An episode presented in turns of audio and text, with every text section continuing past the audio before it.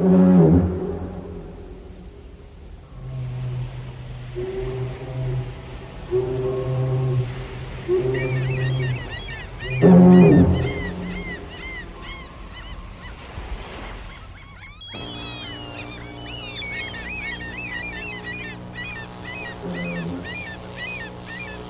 is een podcast van Geluiden uit Oost.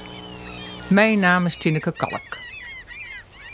In de eerste aflevering van de Napoleon van de Stoomvaart zagen we dat de ambitieuze Zwolse schoenmakerszoon Jan Wilmink directeur werd van de Koninklijke Hollandse Lloyd, de Amsterdamse scheepvaartmaatschappij die landverhuizers naar Zuid-Amerika vervoert. Als in 1914 de Eerste Wereldoorlog uitbreekt, blijft Nederland neutraal, in tegenstelling tot Duitsland. Dit is volgens Jan Wilming de kans om een van de grootste concurrenten van de Koninklijke Hollandse Lloyd, de Hamburgse Hapag, van Albert Berlin, uit te schakelen. Of hem dat gaat lukken, zien we in de aflevering met volle kracht vooruit. Hoewel Nederland buiten de oorlog blijft, is het gevaar voor de scheepvaart nog niet geweken. President-commissaris Karel van Aalst is er niet helemaal gerust op. Ook deze keer is Ernst Heldring afwezig op de vergadering van commissarissen. Heren, dat Nederland neutraal is, betekent niet dat onze scheepvaart geen gevaar loopt. De Noordzee ligt vol met mijnen. Ik ben ervoor dat wij onze nieuwe, kostbare passagiersschepen, de Gelria en de Tubantia, opleggen. Dus niet laten varen. Het woord is aan de heer Wilmink. Maar dit is nu juist onze kans om de Duitsers uit te schakelen. De heer Neerstras. Ik ben het eens met de heer Wilmink. Ik acht het onnodig om de Gelria en de Tubantia uit de vaart te houden. Het mijnengevaar is, mits de aanwijzingen van de Engelse admiraliteit stipt worden opgevolgd, sterk overdreven. En de bemanning dan? Wil die nog wel uitvaren? De kapiteins hebben geen bezwaar. Bovendien, de bemanning krijgt extra gage. En er wordt toch ook voor een veilige route gekozen? Inderdaad, via Noorwegen, IJsland en New York en dan zo langs de oostkust van Zuid-Amerika naar Brazilië en Argentinië. Toch stel ik voor om pas als de schepen goed verzekerd zijn, weer te gaan varen.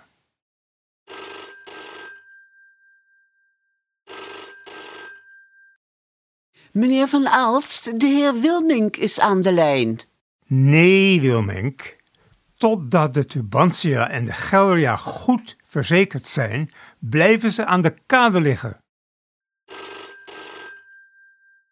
De heer Wilmink is aan de lijn.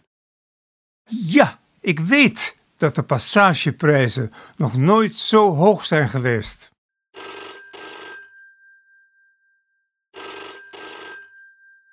Zolang de regering geen garantie heeft gegeven.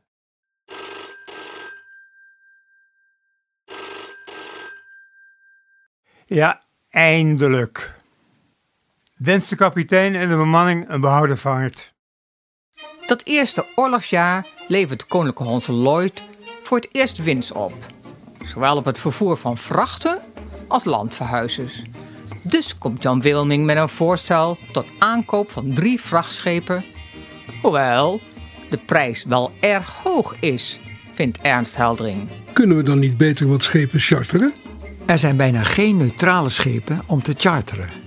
Ik neem de verantwoordelijkheid op mij om twee schepen te kopen en twee te laten bouwen. Onze vooruitzichten zijn buitengewoon gunstig. Maar het blijft niet bij de aankoop van schepen. Aan de oostelijke handelskade in het oostelijk havengebied, waar ook de KNSM van Ernst Heldring zich zal vestigen, wordt 2 hectare grond gekocht.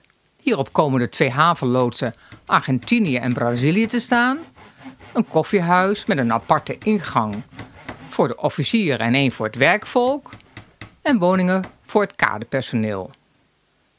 En Jan Wilming ziet het al helemaal voor zich. ook een heus hotel voor landverhuizers.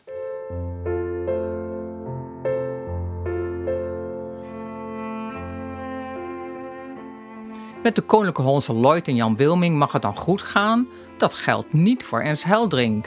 Zo komt zijn oude schoolvriend Emil van Walree te weten. Ik hoor trouwens dat je een paar maanden naar Zwitserland vertrekt om te gaan kuren.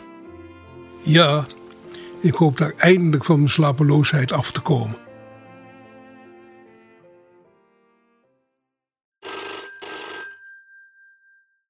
De heer Wilmink is aan de lijn. Maar, maar het is net zes uur geweest. Maar hij zegt dat het dringend is.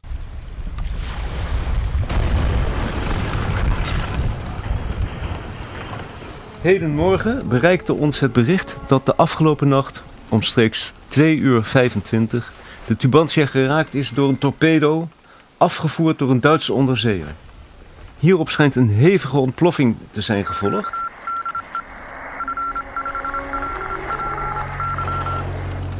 Door een wonder schijnt niemand ernstig gedeerd te zijn. De kapitein en de marconist zijn om 4 uur 30 als laatste van boord gegaan, waarna het schip in de golven verdween. Alle passagiers waren toen reeds in de reddingsboten ondergebracht. Er zijn geen woorden te vinden om deze wandaad, die tegen alle Duitse verzekeringen en toezeggingen indruist, te kwalificeren.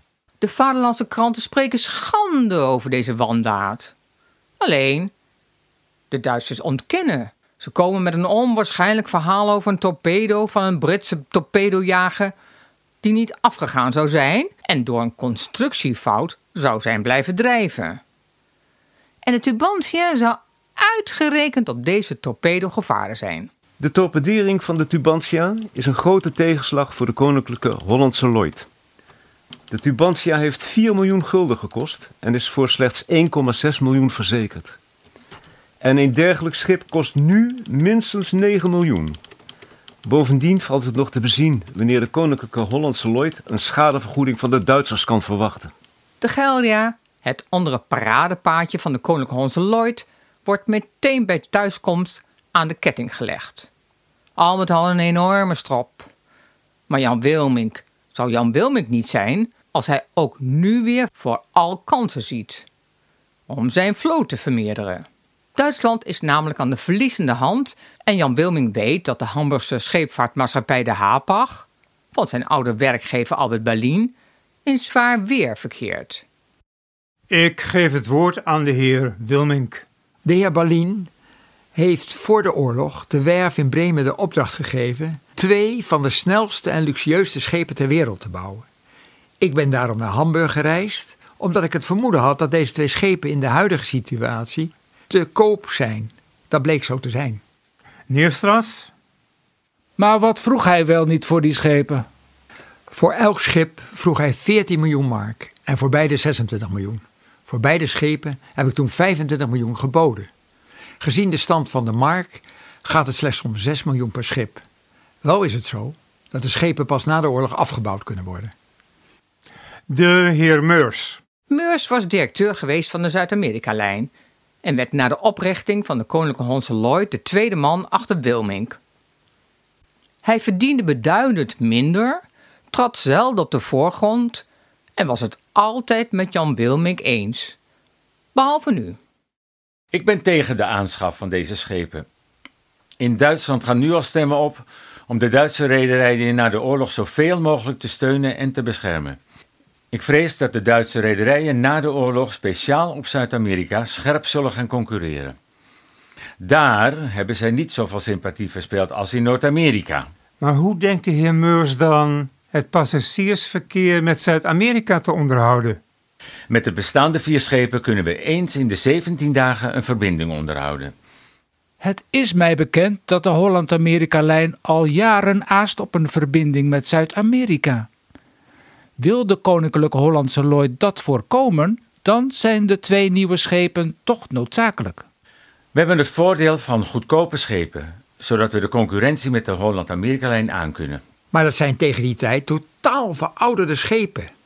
Ik meen dat wij geen keuze hebben. Nu men A heeft gezegd, moet men ook B zeggen. Ook deze keer staat Karel van Aalst weer pal achter Jan Wilmink.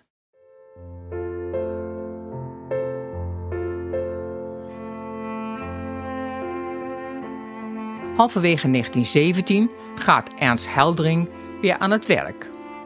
Maandenlang heeft hij in Sint Moritz in Zwitserland verbleven, waar hij onder behandeling van dokter Bazola was. Über Ihre Gefühle reden Sie nicht so leicht. Vielleicht sollten Sie es aufschreiben.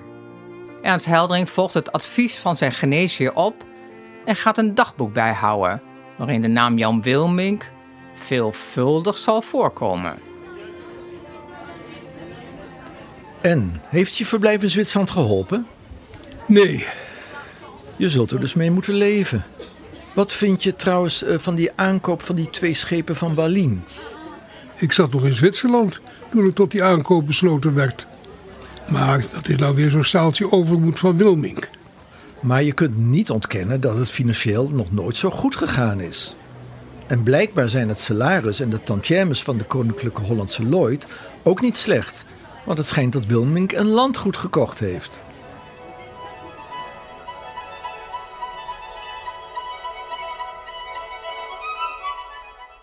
Jan Wilmink heeft inderdaad een landgoed gekocht, de Ruitenberg, in de omgeving van Doorn. Natuurlijk pakt hij ook dit groots aan. Hij laat een buitenhuis, toegangspoort, hoeven een jachthuisje met een kleine orangerie en een ijskelder bouwen. En natuurlijk wordt er ook een schitterende landschapstuin aangelegd. Een landgoed maakt nog geen landheer. Ernst Heldring heeft makkelijk praten. Zelf is hij aan de Keizersgracht geboren. En later woont hij aan de Herengracht 478, precies in dat stukje van de gracht dat de Gouden Bocht wordt genoemd. In tegenstelling tot zijn vader Balthasar Heldring kan hij zich veroorloven uit liefde te trouwen. Maar uiteraard niet beneden zijn stand. Zijn Maria Bungene is een Parijse bankiersdochter. Als Jan Wilmink van Genua naar Amsterdam verhuist, gaat hij in de net aangelegde Vondelparkbuurt wonen, de buurt waar de nieuwe elite zich veelal vestigt.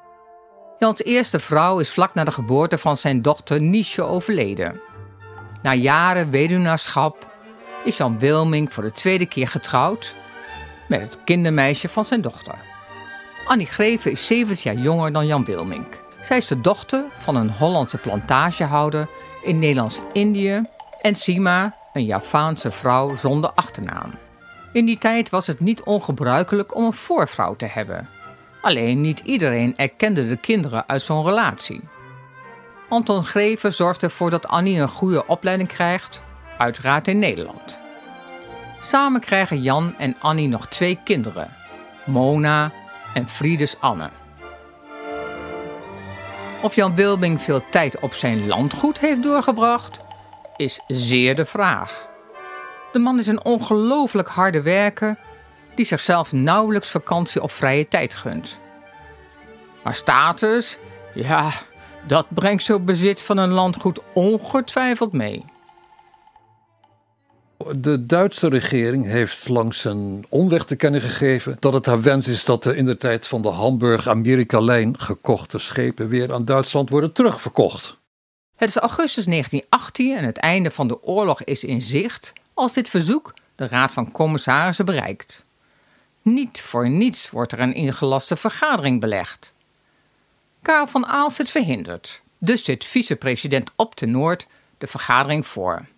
Nu Ernst Heldering weer terug is uit Zwitserland, doet hij een poging om deze in zijn ogen onzalige deal te verhinderen. Ik betwijfel of deze schepen na de oorlog wel op winstgevende wijze geëxploiteerd kunnen worden. Dus ik zie dit juist als een kans om voordelig van die aankoop af te komen. Ik zie geen enkele reden om spijt te hebben over de aankoop. Wat de ontwikkeling van het verkeer na de oorlog betreft, deel ik geenszins de pessimistische verwachtingen van de heer Heldering. Ik ben niet de enige die een grote toename van het reizigers- en landverhuizersverkeer met al de daarmee gepaardgaande eisen van luxe en comfort aan boord verwacht. De waarschuwende woorden van Ernst Heldering hebben geen enkel effect. Toch is het nog maar de vraag of Jan Wilming zijn schepen ook echt gaat krijgen. Als op 11 november 1918 de wapenstilstand getekend wordt, blijkt dat het niet meer de Duitsers zijn die dwars liggen, maar de Engelsen. Ze betwisten de legitimiteit van deze aankoop midden in de oorlog, zo vertelt Ernst Heldering aan zijn vriend Emiel van Walree. Nee, het zijn de Engelsen. En ik heb gelezen dat ze zelfs een torpedojager naar de werf in Bremen hebben gestuurd om die schepen te bewaken. Volgens hen was de aankoop destijds onrechtmatig. Maar wees eerlijk, Ernst, Wilming staat in zijn recht.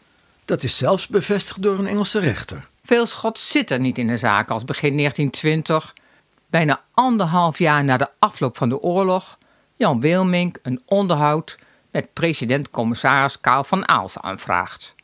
De Limburgje is weliswaar afgebouwd, maar ligt nog steeds op de werf in Duitsland. Net als een Engelse torpedojager die haar angstvallig bewaakt. Je wilde mij onder vier ogen spreken? Ik heb een ploeg onder leiding van Voetera van de technische dienst naar Bremen gestuurd. Ja, Ik ga er morgen naartoe voor een proefvaart. ik ken je, Wilmink. Maar die Engelse torpedojager zal je niet laten ontsnappen. Je komt mij toch wel opzoeken als ik in de Engelse gevangenis zit? Als Wilmink in Bremen aankomt, ligt de Limburgia gereed voor de proefvaart. Londen heeft nog geen groen licht gegeven. Maar voor een proefvaart in de haven wordt wel toestemming verleend. Onder leiding van het hoofd van de technische dienst voor Draine stoomt de Limburgia braaf op en neer in de haven.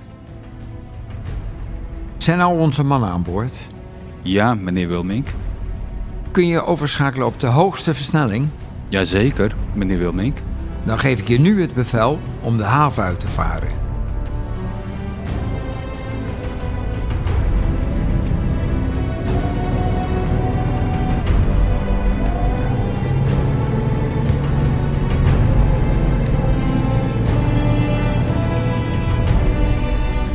Met zo'n brutale actie heeft de torpedojager geen rekening gehouden en ook Londen niet. Als de commandant van de torpedojager de Engelse admiraliteit om instructies vraagt, komt er geen reactie. Ook daar weten ze duidelijk geen raad met de situatie.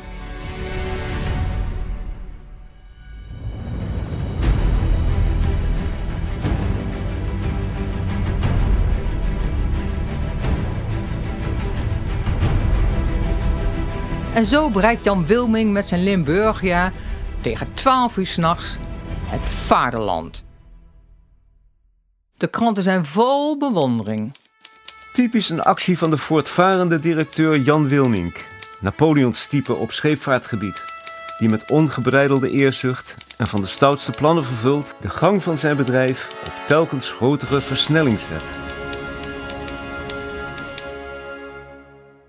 In Alle Hens aan Boord, de derde aflevering van de Napoleon van de stoomvaart, hoorden we dat Jan Wilming het zwaar krijgt. Na de oorlog gaat het overal in de wereld economisch slecht, ook in Zuid-Amerika.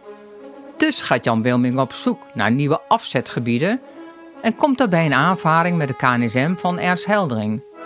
En niet alleen met hem.